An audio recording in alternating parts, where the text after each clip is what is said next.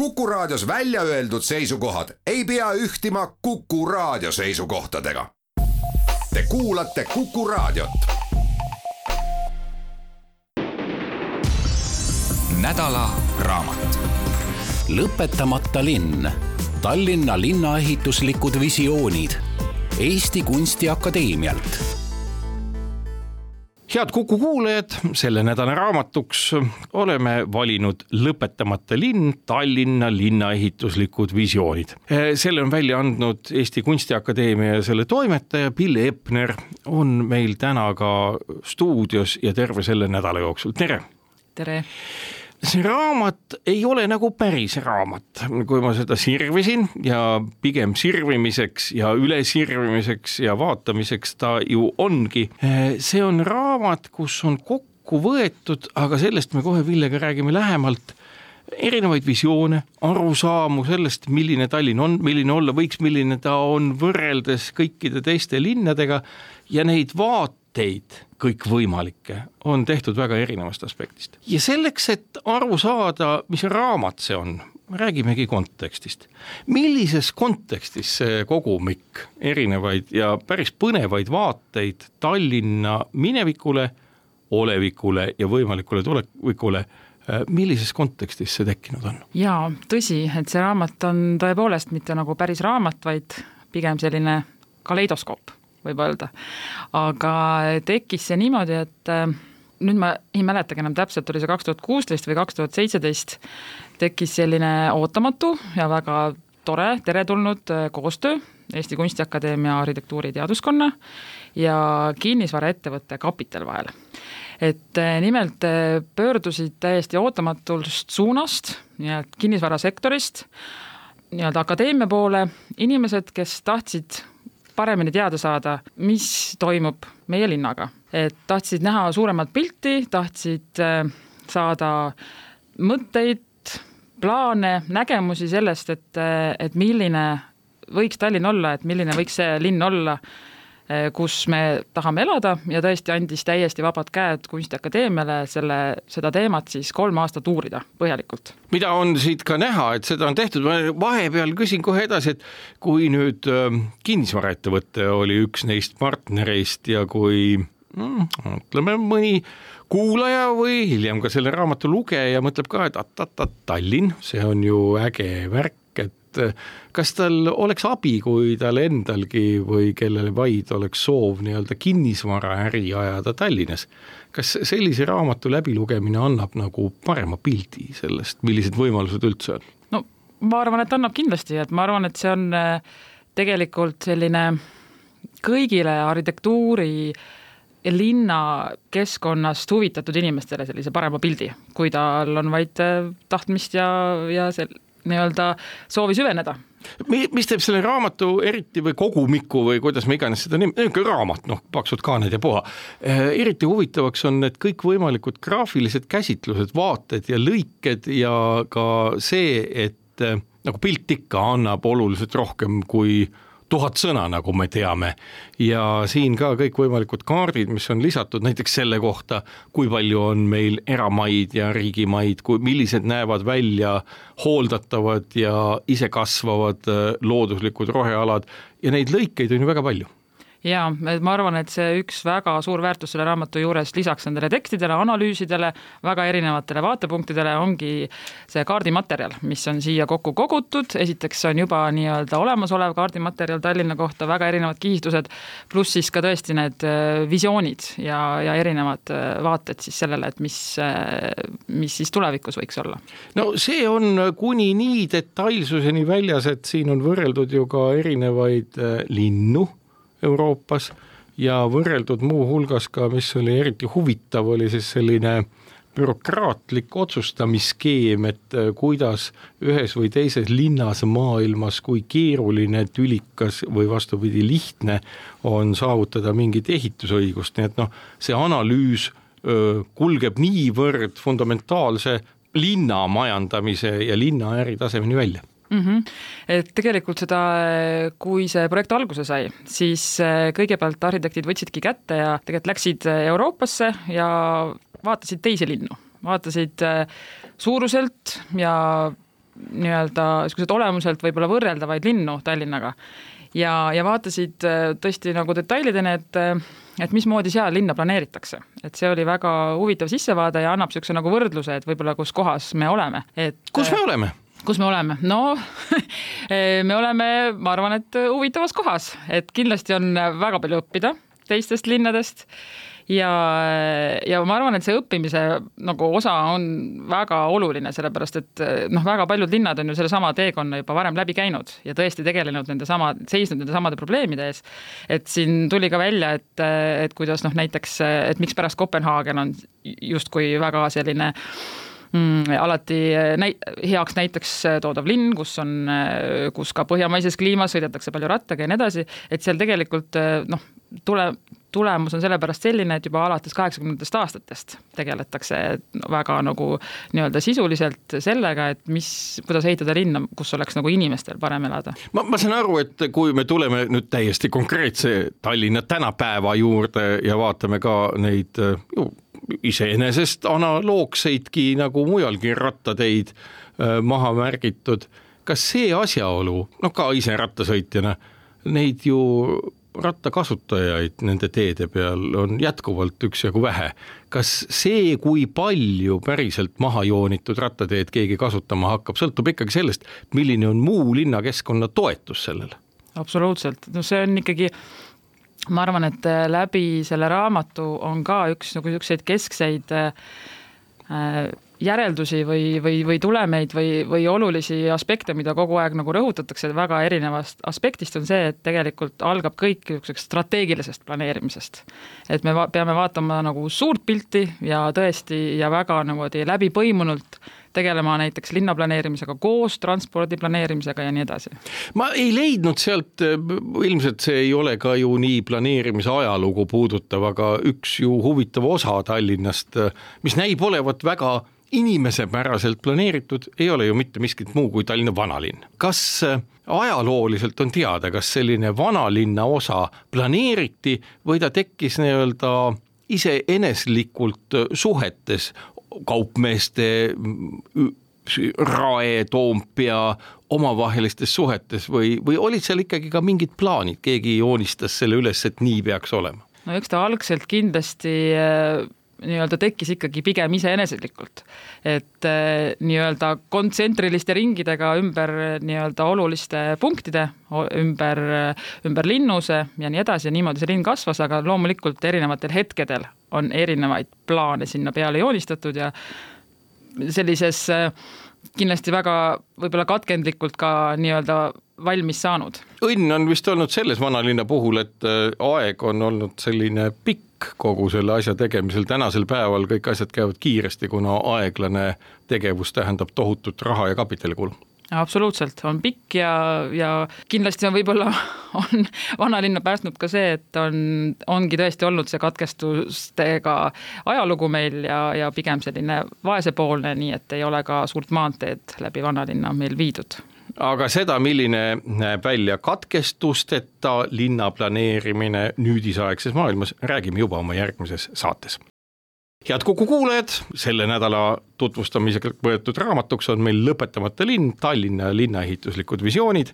külas on meil Pille Epner, selle raamatu toimetaja ja välja on see antud Eesti Kunstiakadeemia poolt täpselt sel aastal. kui nüüd läheme edasi, siis äh, ma küsin isegi niimoodi veel, et mis on sul endal mingi nii-öelda lemmikteema, lemmiklaps selle toimetamise juures või kõik need teemad, mida on siin ju üle kümne kõvasti ja autoreidki kuhjaga, äh, on nad kõik ühtemoodi head? Hm, ja see on tõesti väga raske küsimus, sest et äh, kõik teemad on tõesti isegi ühtmoodi huvitavat, sellepärast mul tegelikult võib-olla kõige huvitavam ongi see, need omavahelised seosed. et kui sa vaatad linna nii-öelda ühest vaatepunktist, et sa ei tohi unustada seda teist vaatepunkti. et ma arvan, et need seosed võib-olla ongi kõige huvitavamad, et need äh, tegelikult väga-väga toetavad üksteist. kui ma ise lugesin seda äh, raamatut, siis üks huvitavamaid asju oli ju see, millisel moel äh, Tallinna linna ümbritsev bastionite vöönd, noh, me teame, et linna on ju kogu aeg kaitstud. Ja millisel moel on siis nagu kavandatud selle integreerimist ja noh, jälle, kui olla lugenud ja vaadanud seda võimalust, siis arusaadavalt äh, bastionid, mis on mõeldud kaitseks, selleks, et nad muutuksid linna orgaaniliseks osaks, tuleb muuta läbitavaks ja linn peab olema inimesele läbikõnnitav, mitte ümberkõnnitav. Tallinn on täna väga niisugune ümberkõnnitav linn, meil ei ole sellist äh, läbikõndimist äh, olemaski. see idee on ju väga lihtne mm. -hmm. mis on see takistus põhiline, miks arvatakse, et äh, läbikõnnitavat linna ei ole põhjust teha? jaa, tegelikult see on tõsi, et see on küll üks, üks olulisemaid ja huvitavamaid teemasid, sellepärast et see on tõesti nii väga Tallinna nii-öelda keskne, nagu füüsiliselt ongi väga Tallinna Just. keskne teema, eks. et meil on, meil on vanalinn ja meil on seda ümbritsevad erinevad iseloomuga asumid, aga tegelikult vanalinna ümber veel tõepoolest see bastionivöönd, et esiteks see on noh, hästi selline nii-öelda läbi mõtlemata et ta on veel selline, ta ei. no ta on nagu bastionite vöönd, ega seal midagi ju muutunud väga ei ole, ta on no just. jätkuvalt ju sellises nii-öelda kaitsepositsioonis olev osa linnast. just, aga et tegelikult tõepoolest, et seda äh, siin kava-kava just nimelt Indrek Peil ja Siiri Valner on äh, oma sellises äh, uurimistöös, mida nad siis Kunstiakadeemias koos arhitektuuri ja linnaplaneerimise tudengitega koos uurisid, ongi võtnud selle nii-öelda ja mitte isegi konkreetselt nii-öelda selle bastioni vööndit ainult ise, vaid ka sellel vahetult seda bastionivööndit ümbritseva ala. ehk siis eh, need asumid, neid on ligi kümme asumit, mis on siis otsapidi nii-öelda bastioniga seotud ja pakuvad välja siis lahendusi, et mismoodi see kõik oleks omamoodi väga sidusalt ühendatud ja nende selline põhieesmärk või selline sõnum, mida nad to toovad, on see, et esiteks, et linn, kesklinn peaks olema kompaktne et seal oleksid nii-öelda need vahemaad või nii-öelda äh, just nimelt vahemaad oleksid lühikesed, mis siis tooksid rohkem inimesi tänavale, teeksid niisuguse meeldivama linnaruumi. võimaldaksid lahti saada autodest. absoluutselt ja, ja nad toovad ka välja selle, et just nimelt, et meil on selline tänavaid, on meil vähevõitu ja et meil ei ole sellist noh, väga läbi komponeeritud, planeeritud tänavate süsteemi ja eriti veel, kui minna sinna sadama poole, et kuhu nii-öelda kesklinn laieneb, et siis seal on see veel veel noh, veel rohkem nagu läbi mõtlemata, lisaks veel niisugused kinnised suured kvartalid ja nad nii-öelda toovad nagu nii-öelda välja selle olulisusega tänavate renessansi, et meil võiks olla rohkem väikseid tänavaid, meil võiks olla rohkem ühendatust ja ongi tegelikult äh, lahendus selliseks inimkesksemaks äh, linnaruumiks? Ma mõtlen just seda, et kui nüüd äh, tänasel hetkel no ma kujutan ette, nii mõnigi inimene nii juba olemasolevast, võib-olla ka tulevasest linnavalitsusest seda saadet kuulab, et äh, kas see võiks olla mõne linnavalitseja või volikogu tegelase, kel võimu rohkem öökapiraamat, mida pisitasa sirvida, et äh, mõtted sel teemal, milline linn välja näha võiks natukene, natukene, kuidas öelda, esteetilisemalt, koolitatumalt ja, ja teaduslikult põhjendatumalt välja näeksid. Absoluutselt, eks see ongi üks selline avalik salaplaan, et see võiks ka selliseks õpikuks nii-öelda kujuneda. et eh, tegelikult eh, Tallinna linn on meil ka selle projektiga algusest peale nii-öelda otsapidi kaasas olnud, et sealsed sellised aktiivsemad ruumi teadlikumad, tundlikumad eh, linnaplaneerijad, arhitektid on tegelikult nii-öelda vestlustes olnud algusest peale kaasas. aga kuna, nagu siin alguses ka tegelikult seda kogu seda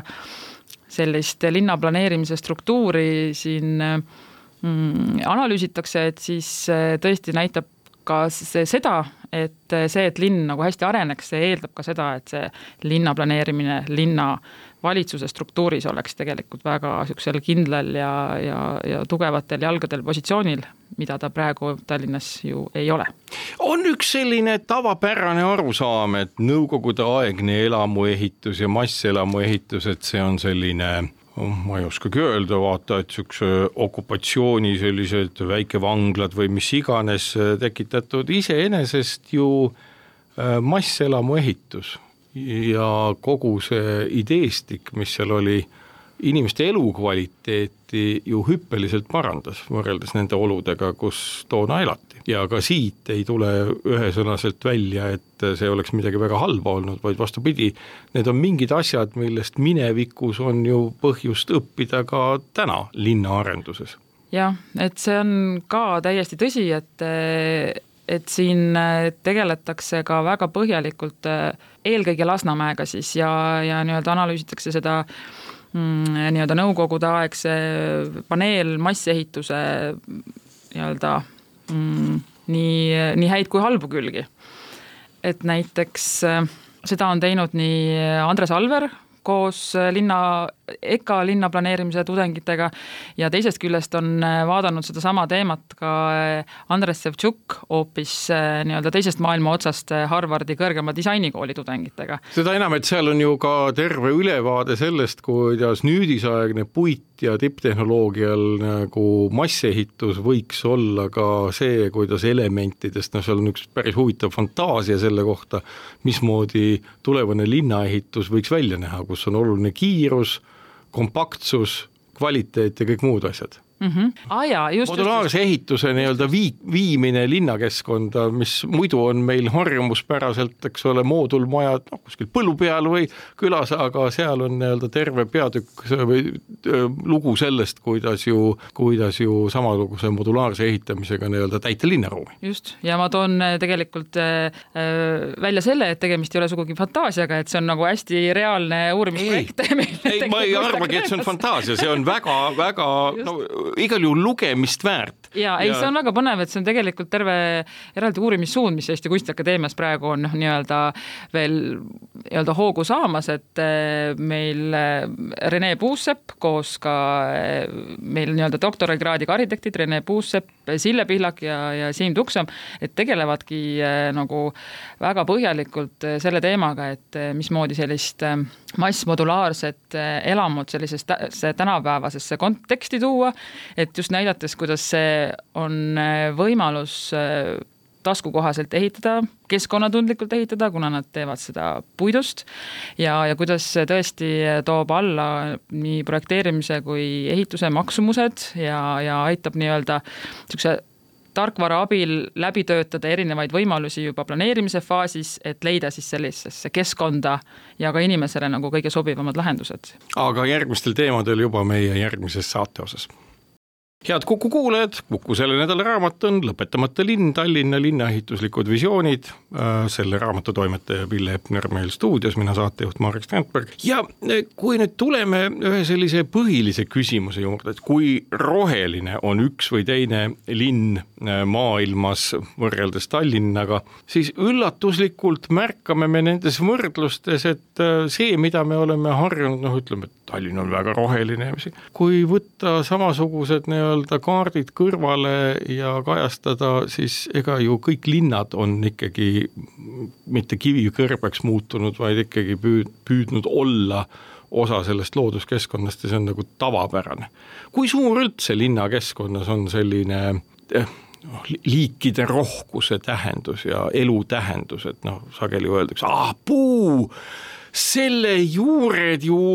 mõjutavad meil majade vundamenti ja nad on linnaruumis ohtlikud. milline see tänapäeva selline, ma loodan, et veidi leebem arusaam linnakeskkonnast on? jah, et see on ka huvitav teema tegelikult, sellepärast et me oleme nagu harjunud mõtlema, et meil on selline hästi roheline, ikkagi suhteliselt roheline linn, meil on palju parki ja, ja palju rohealasid ja, ja mets ei ole ka sugugi kaugel, aga tegelikult ja räägitakse tõesti väga palju ju sellest elurikkusest ja mitmekesisusest ja kui oluline see on, aga tegelikult võib-olla see veel selline noh, niisugune tavainimese ja võib-olla ka niisuguse ka linnaplaneerimise keskkonnas ei ole veel nagu nii hästi veel teadvusesse jõudnud, kui oluline see tegelikult on. ja et kui tegelikult äh, siin äh, raamatus on ka peatükk äh, rohevõrgustikud, mis, äh, mille autorid on äh, Katrin Koov ja Eve Komp on selle kokku pannud ja ka selle teemalise siis uurimistöö arhitektuuriteaduskonnas läbi viinud. Et nemad toovad ka välja sellise nii-öelda alternatiivse rohevõrgustiku, et tegelikult lisaks nendele sellistele ametlikele parkidele, haljasaladele on meil tegelikult ka väga palju sellist nii-öelda kasutamata roheala või mida inimesed siis peavad võib-olla ikka pigem niisuguseks tühermaaks või selliseks ka, ka niisugune, niisugune liinikoridorid ja, ja tühjad tühermaad, et noh, pigem noh, vaadatakse ikkagi seda niisuguse tauniva pilguga, et loodetavasti siia varsti ikka ehitatakse nagu korralikud majad, aga et ja, ja liiga tihti vaadatakse ka sinna nii-öelda muruniiduki ja lehepuhuri suunas ja tegelikult ei ole veel jõudnud teadvusesse see, et, et see nii-öelda rohevõrgustik kata, võiks, peaks katma nagu kogu linna sidusalt ja see kõik on tegelikult väärtuslik ja just nimelt see elurikkus toobki selle nagu rohelisuse nii-öelda olulisuse välja ja et see ongi see, mis meie elukeskkonda nagu paremuse poole mõjutab. kas võib öelda, et heast linnast peab saama läbi kõndida nii põdrakari, mets ja perekond, kui liikuda ka vajadusel hunt ja karu niimoodi, et neil on oma koridor mis inimesi ei häiri ja inimesed neid ei häiri. No iseenesest äh, võiks äh, nii-öelda ikkagi eesmärk olla see, et meil on tõesti selline katkestusteta rohevõrgustik. Seda peetakse ka tänasel maailmal väga oluliseks, et me suudaksime mitte läbi lõigata ökosüsteemi erinevate trasside ja muu asjadega, et ka see peaks siis olema, ma saan aru, noh, siit tuleb päris mitmest kohast välja, kus rõhutataksegi seda, et just nimelt selline, selline mitmekesisus ja, ja, ja no katkestusteta, nagu sa ütled, eluolu on ülimalt olulised. siis üks peatükk, mis puudutab nagu sellist nii-öelda äh, mis oli fotomaterjali mõttes ääretult omapärane, olid needsamad nii-öelda nii-öelda linna äärealad või äärealad, kus nagu midagi, kus nagu linn otsa saab, et mismoodi Tallinnas saab linn otsa mm, -hmm. saab otsa täiesti tavatul moel nagu, et ühtäkki ollakse sattunud mingisse ei tea kuhu. kas see on selline planeerimisviga, on see küsimus hetkel kapitali ja rahapuudusest või mille tõttu sellised linna no üsna tuiksoonel olevad just nagu ei kellegi maad tekivad, samas ma vaatasin kaartide pealt, seal on ju ometi kehtivad planeeringud olemas, et sinna võiks ju midagi teha. ja et sa ennem küsisid, et mis on mu lemmik osa sellest raamatust, et ja nagu ma ütlesin, väga raske on lemmikut valida, aga üks selline väike lemmik ongi tegelikult see foto, fotokogu, mis siin meil seda raamatut liigendab. et äh, siin äh, Paco Ullmani käest tellitud fotoprojekt, mis nii-öelda seda raamatut struktureerib tegelikult kaardistabki neid alasid, mis mis meil on sellised äärealad nii-öelda jah, et kus kohas on, jookseb selline nii-öelda linnapiir ja tõesti väga üllatuslikult võime avastada, et see võib päris,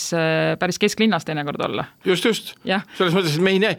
huvitav on just see, et, et teatav erinevus, teatav erinevus maaomandi ja planeerimispõhimõtete puhul Helsingi ja Tallinna vahel on täiesti olemas. et kui näiteks Helsingis otsustati, et ehitatakse uus sadam, noh, mis mu enda kogemus, siis ühtäkki mitte keegi ei käsitlenud seda kui tühermaad, vaid see täideti väga kiiresti erinevate plaanide ja, ja kavadega ja ehitisi uudistega lõppkokkuvõttes, mida kõik ju näevad viimase kahekümne aasta jooksul, isegi viimase kümne aasta jooksul on see uus sadamaala tundmatuseni muutunud.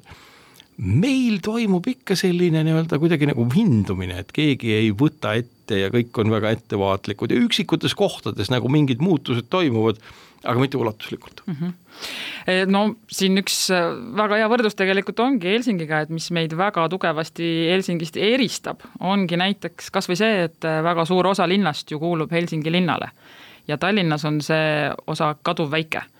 et, et mis tähendab seda, et selline nii-öelda start arendamisele tuleb enamasti arendaja poolt. et kes siis otsustab, et, et nii, et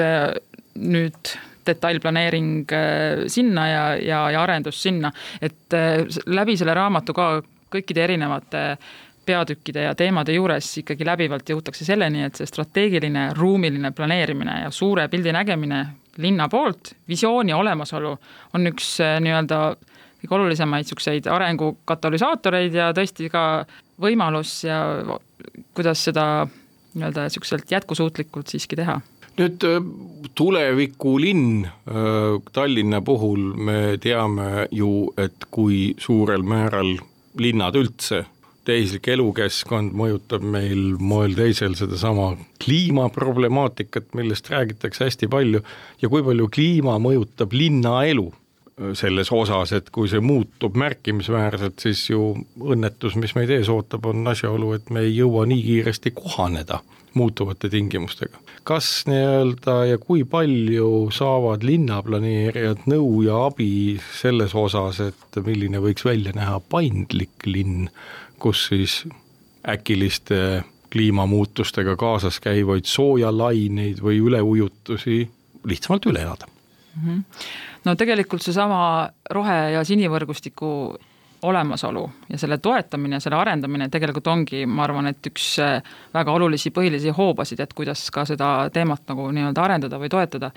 ja, ja tegelikult äh, ka arhitektid võiksid ja peaksid nagu rohkem tähelepanu pöörama sellele teemale, et kuidas nii-öelda ruumiliste vahenditega, ruumiliste lahendustega selliseid eh, keskkonnaküsimusi samamoodi lahendada. jaa, sellepärast et tõsi ta ju on, et ega inimesel on planeedil Maa lihtne elada ainult selle tõttu, et siin on väga palju teisi liike, ka taimi kes siis hoiavad ikkagi noh, küll räägitakse tänasel päeval ju väga palju sellest, et oo, et teeme asfaldi valgeks ja majakatused ka, aga ikkagi kõige madalamat temperatuuri tagab meile see, kui meil on taimestik, mis on ühtlaselt igal pool absoluutselt. aga sellest juba räägime oma järgmises saate osas. head Kuku kuulajad, selle nädala raamatuks oleme tutvustada võtnud Lõpetamata linn, Tallinna linnaehituslikud visioonid, Eesti Kunstiakadeemia välja antud ja saatesse oleme külla kutsunud Pille Epneri, kes on selle raamatu toimetaja, temaga sellest raamatust ja selle tähendusest ja taustadest räägime, mina saatejuht Marek Strandberg. kõnelesime eelmine saate osa just sellest, kuidas liigirikkus on kõige lihtsam viis äh, linnades, kuidas elukeskkond komfortsemaks muuta. aga ju mitte ainult, et ega ma saan aru, et ka selline ruumiline muster on ju väga paljuski see, mis äh, mõnes linnas on niimoodi, et ei tahagi välja minna ja naabrit külastada, aga mõni teine linn, noh näiteks kas või nagu Tallinna vanalinngi, millest meil siin juttu oli, näeb selline välja, et ikka tahaks äh, kõndida naabri juurde või naabri lähedale ja ringi liikuda. millest see selline linnade öö, äh, nii totaalne erinevus tuleneb? no üks teema, mida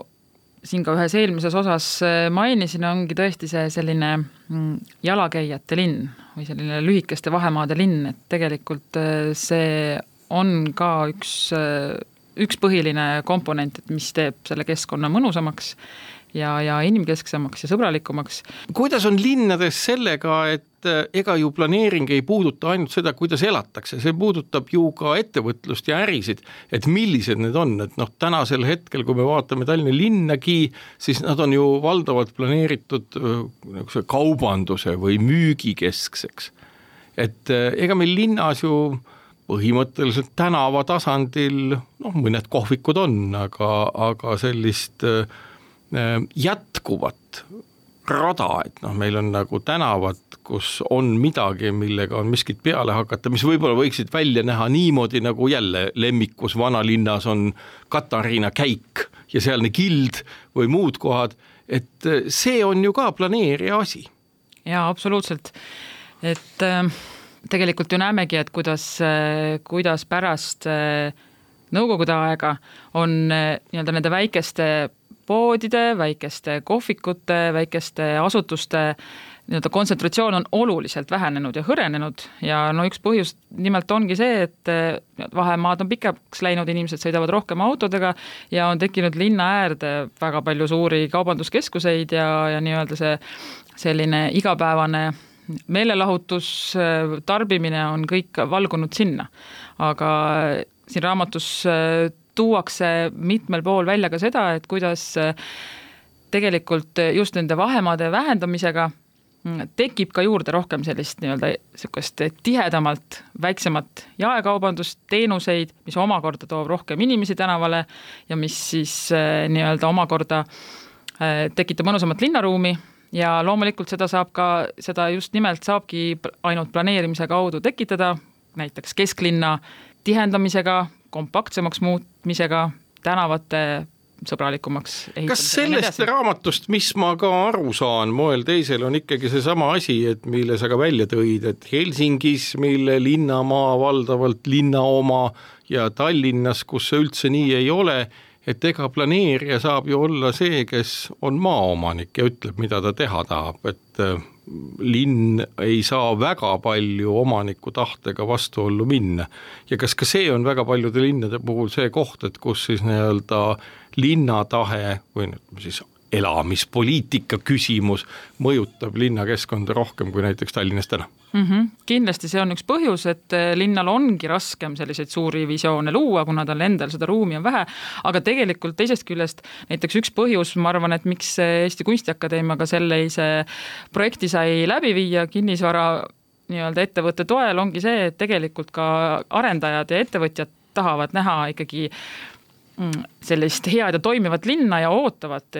ikkagi linna poolt tugevamat visiooni, sellist äh, suuremat nägemust sellest, et milline see linn võiks olla. et, et tõepoolest, et, et kas või äh, otsides fookuspunkte, kus äh,, kuhu arengut suunata, kus on suuremad äh, elamuarendused, kuhu ettevõtlust rohkem koondada, et see kõik tegelikult aitab kaasa, et see oleks üks toimiv tervik. no täna me oleme nii olupoliitiliselt olude tõttu äh, olukorras, kus me saame aru, et ega inimese jaoks kõige koormav on, on ikkagi omada väga suurt elukeskkonda majana, korterina, millena iganes, koduna ja väga suurt bürood, kuna selle kütmine siin talvisel ajal väga kulukas. et äh, kas ka Tallinna visioonide hulgas on selline nii-öelda kompaktsem linnaruum, mitte ainult selles osas, et maju on üheskoos rohkem, vaid et ka ühe inimese kohta kuluvat elamispinda ja ruumi saab tulevikus vähem olema. jaa, loomulikult eh, tegelikult eh, üks oluline teema, et mis eh, ka siin ja seal natukene lahti räägitakse, on see, et tõesti väga oluline on nii-öelda läbi mõelda, mida ja kuhu ehitada, aga kogu aeg peab ka silmas pidama seda, et see oleks ka nii-öelda et kellele see suunatud on ja kellele, kelle, keda mõjutavad need otsused, et tegelikult on üks oluline teema, millele ka ikkagi linnaplaneerimises liiga palju tähelepanu, liiga vähe tähelepanu pööratakse, on see, et kuidas ikkagi ruumilise planeerimisega ka sellist sotsiaalset võrdsust ja, ja õiglust nii-öelda tagada. ehk et tegi, ei tekiks olukorda, nii nagu me vahel kritiseerime meie eliitkoole, et on nagu koolid, kus on õpilased, keda valitakse ja ülejäänud koolid, kes peavad toime tulema siis õpetamise klassikalise juhtumiga, kus tuleb kõiki õpetada. just nimelt, et siin sellega seostub ka see nii-öelda kesklinnastumise teema, et mis, mis Eestis on ka väga aktiivselt hetkel toimumas, aga millest siiski väga vähe räägitakse. kas või võtta Kalamaja, kõik moodsad piirkonnad, Telliskivi juba Koplisse suundumas, et see tegelikult, me räägime kihvtist linnaruumist, lahedatest tänavatest, aga tegelikult äh, räägime vähem sellest, et, äh, et mis saab äh, nendest inimestest, kes enam nendesse kohtadesse kortereid osta ei jaksa sotsiaalselt see tähendab mida, et lõppkokkuvõttes on meil siis nagu selline lainena liikuv nii-öelda moodne piirkond, kus siis on vaja aina rohkem ja rohkem sissetulekut, et seal vastu pidada? absoluutselt, et et noh, väga hea näide ongi kas või tõesti need äh, sellised moodsad ähm, nii-öelda linn, linnas keskkonnad, mis äh, tekivad vanade tööstushoonete, tööstuspiirkondade asemele, kus äh, saab arendaja luua terve niisuguse väga meeldiva, atraktiivse keskkonna, aga tõepoolest, et seal väga tihti ja enamasti on ta ikkagi väga vähe või kas isegi üldse mitte nii-öelda selle ümbrusega seotud ja, ja nii-öelda nende kohalikele inimestele mõeldud, et Need sellised sotsiaalsed probleemid ju torkavad silma juba tänasel päeval, siin küll ei ole väga palju konkreetses raamatus neid analüüsitud, aga need on ju adutavad kõigi jaoks. absoluutselt, et siin konkreetses raamatus tõepoolest eh, viimases eh, artiklis Maros Kriivi, kes on eh, urbanist ja linnauurija, toob tegelikult välja need aspektid ka siin, et, et me ei, ei tohi kunagi unustada kriitikat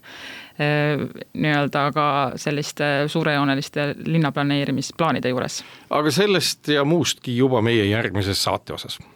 head kuulajad, Kuku selle nädala raamat, mida tutvustame, Lõpetamata linn, Tallinna linnaehituslikud visioonid, ühe pikema projekti raamatusse valatud variant Kunstiakadeemia poolt, selle raamatu toimetaja Pille Epner meil täna stuudios tervel sel nädalal olnud ja mina saatejuht Marek Strandberg, küsingi, et vaatasin oma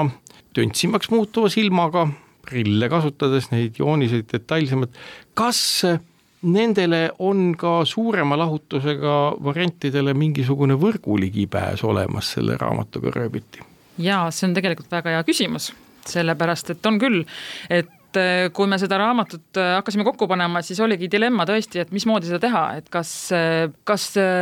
tekitada väga kompaktne selline kokkuvõte olulistest teemadest, olulistest järeldustest või siis nii-öelda tuua välja väga palju erinevaid aspekte ja nägemusi ja, ja vaatenurki, otsustasime selle viimase kasuks, aga tegelikult on võimalus ka saada selline väga hea, kiire, konkreetne ja kokku üldistav kokkuvõte kogu sellest äh, materjalist, mis just nimelt selle kaardimaterjali näol ja tegemist äh, on siis eelmise aasta, eelmisel aastal Arhitektuurimuuseumis toimunud näituse Lõpetamata linn jaoks koostatud kaardianimatsiooniga. Ja tegelikult raamatu lõpus on ka QR kood, mille kaudu saabki täpselt sellele animatsioonile ligi just, et niisugune moodne raamat, kus te saate rahumeeli ka sukelduda digitaalsesse maailma. nüüd selle raamatu teemast täiesti väljaspool, mõtlen selle saate osa võib-olla veeta. ja küsimus ju milles ja et me selle digitaalse teema juurde jõudsime viimased kuud, tegelikult ju päris mitmed aastad me oleme kuulnud jutte sellest, kuidas meie tavapärane sotsiaalvõrgustik, ühismeedia, noh näiteks Facebook ja kõik tekitavad mingeid probleeme. Ja tänaseks me teame, et nüüd on üks neist, ka seesama Facebook öelnud, et nüüd me teeme läbi täieliku transformatsiooni, me muutume metaversumiks. Äh, mida iganes see tähendab, ei oska ma ka öelda ega paljud teisedki. Ja äh, näen siin, kui seda raamatut sel nädalal lugesin ja vaatasin, näen teatavat rööviti nähtust, et ühtepidi püüab Tallinn erinevate tarkade inimeste abil või nende nõu andes äh, kuulda ja näha seda, millised muutused võiksid esile kutsuda uued plaanid, aga teistpidi ju tegelikult seesama ühismeedia puhul me näeme seda, kuidas ka ühismeedia tungib just nagu kinnisvaraäri turuplatsile. sellepärast, et ka ühismeedia ütleb, et me tahame, et inimestel oleks seal midagi muud teha et nad saaksid minna sellesse virtuaalsesse või laiendatud virtuaalsesse keskkonda või täiendvirtuaalsesse või kuidas iganes seda nimetatakse ja hakata hoopis seal elama. kas nüüd linnaarhitektid ja linnaplaneerijad näevad seda, et nende konkurendiks võib ühtäkki muutuda sootuks kuskilt põõsast nurga tagant tulev tegelane, kelleks on härra Zuckerberg ja kes ütleb, et teate, et me teeme teile globaalse linna, nii ideaalse, et ei taha päris linnas enam käiagi. kas see üldse kunagi teoks saab? jah, tegelikult ka selles raamatus siiski käsitletakse seda teemat küll, et meil on seal ka peatükk Arvutamata linn, kuidas tõepoolest, et kui nii-öelda varasemad linnateooriad ikkagi käsitlevad ainult füüsilist ruumi, siis nii-öelda kaasaegsed teooriad peavad võtma arvesse ikkagi seal kõrval paralleelselt ja täiesti kohakuti ka selle virtuaalse ruumi ja et arvestama selle inimesega nii füüsilises maailmas kui ka digitaalses maailmas. Ja seal tegelikult ka äh, nii-öelda spekuleeritakse, filosofeeritakse ka sellel teemal, et mismoodi ka see linna nii-öelda asukoht kaotabki mingis mõttes oma, oma tähtsust ja, ja võib-olla ka see on ka üks põhjus, üks sellise detsentraliseerimise või detsentraliseerumise põhjus. et miks äh, nii-öelda niisugused tugevad keskused võib-olla, võib-olla ei olegi ma räägin nüüd natukene siin endale vastu, aga aga, aga tuleb äh, vaadata, et kuidas ühest küljest äh, nii-öelda selles füüsilises ruumis inimesi rohkem kokku tuua, on tõesti vaja neid keskusi rohkem tihendada ja, ja tõesti sellist äh, tegevusi ja, ja sellist äh, aktiivsust äh, nii-öelda linnaruumi tuua, aga tegelikult äh, arvestada ka sellega, et, et väga palju tegevust toimub hoopis virtuaalses maailmas ja ehk et tegelikult on asi hoopis niimoodi, et linn võib hääbuda selle tõttu, et ta jääb lihtsalt kunagi tulevikus, mitte tänasel hetkel, see esteetiline kvaliteet, mida me oleme kildhaaval näinud, on mõnes mõttes isegi väga jube, mida kõneletakse metaversumi ja tulevase Facebooki kohta, aga et kui see esteetiliselt paraneb, siis põhimõtteliselt hakkab füüsiline linn, ma saan aru, konkureerima selle virtuaalse maailmaga? no pigem nad äh, hakkavad läbi põimuma ja tõesti ikkagi planeerimisel ja tuleb lihtsalt seda aspekti ka arvestada. mõnes mõttes on ju ka nii, ma küsingi seda, et kas ma mõtlen täiesti valesti, et et kui ikkagi füüsiline keskkond on ebamugav, siis inimesel on alati nagu pääsetee sellesse virtuaalsesse, mis võib talle lokaalselt tunduda väga mõnus. absoluutselt. ja, ja see on jälle, kui see on juhtunud, siis aina suuremaid kulusid tuleb panustada ja raha tuleb panustada selleks, et linn uuesti atraktiivseks muuta just nimelt, et inimene uuesti linna tagasi tuua. ja, ja see on ju inimese päästmise küsimus täiesti uuel tasemel, et inimene ei sukelduks ebameeldivast linnast tema jaoks meeldivasse ja atraktiivsesse ja sõltuvust tekitavasse virtuaalkeskkonda. see, see paneb linnaplaneerijatele ikkagi õigemini isegi mitte planeerijatele, seda raamatut lugedes on aru saada, et planeerijad on meil väga nutikad nende, nende vaade on väga põhjalik, selles mõttes on see, on see väärtuslik sirvimine ja lugemine, et aru saada, et äh, linna planeerimine ei lõppe ega alga ametnikega, vaid see mõte on tunduvalt laiem. aga see väljakutse, et suuta toime tulla virtuaalse maailmaga, kus meil täna ainuüksi selles Facebookis on, ma ei tea, kui palju, kaks koma üheksa või kolm miljardit inimest, noh, kahe India või Hiina jagu rahvast, kui keegi suudab neile meele järgi olla, siis mm -hmm. kas ta, ta, Tallinnas võib tekkida selline huvivaakum, kui virtuaalmaailm väga edeneb? no tegelikult võib seda asja vaadata ka natuke teise külje alt, et seda võib vaadata ka positiivses võtmes, et mismoodi seda nii-öelda infot ja seda maailma ära kasutada, et eh, nii-öelda selle füüsilist linnaruumi paremaks muuta, et noh, meil kas või siin raamatus ongi üks peatükk eh, Metalinn, mis räägibki sellest, et mismoodi neid niisuguseid virtuaalseid digitaalseid jälgi, see ku-, ku-, kus,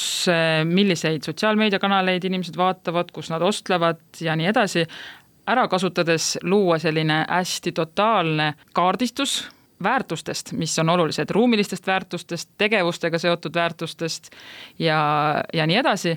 ja tegelikult analüüsida konkreetset linnaruumi selle põhjal, kus inimesed armastavad, see näitab, kus inimesed armastavad rohkem olla, kus on parem läbipääs, kus on atraktiivsem linnaruum ja teha konkreetseid ikkagi niisuguseid äh, soovitusi parendamise suhtes konkreetsele füüsilisele linnaruumile aitäh, Bill Epner, raamatu Lõpetamata linn, Tallinna linnaehitusliku visioon toimetaja, kes tuli meile kõnelema selle raamatu taustadest ja seostest. sellega on selle nädala raamatu tutvustus läbi, kaunist päeva teile ja kuulake meid ka edaspidi. aitäh. nädala raamat. lõpetamata linn, Tallinna linnaehituslikud visioonid Eesti Kunstiakadeemialt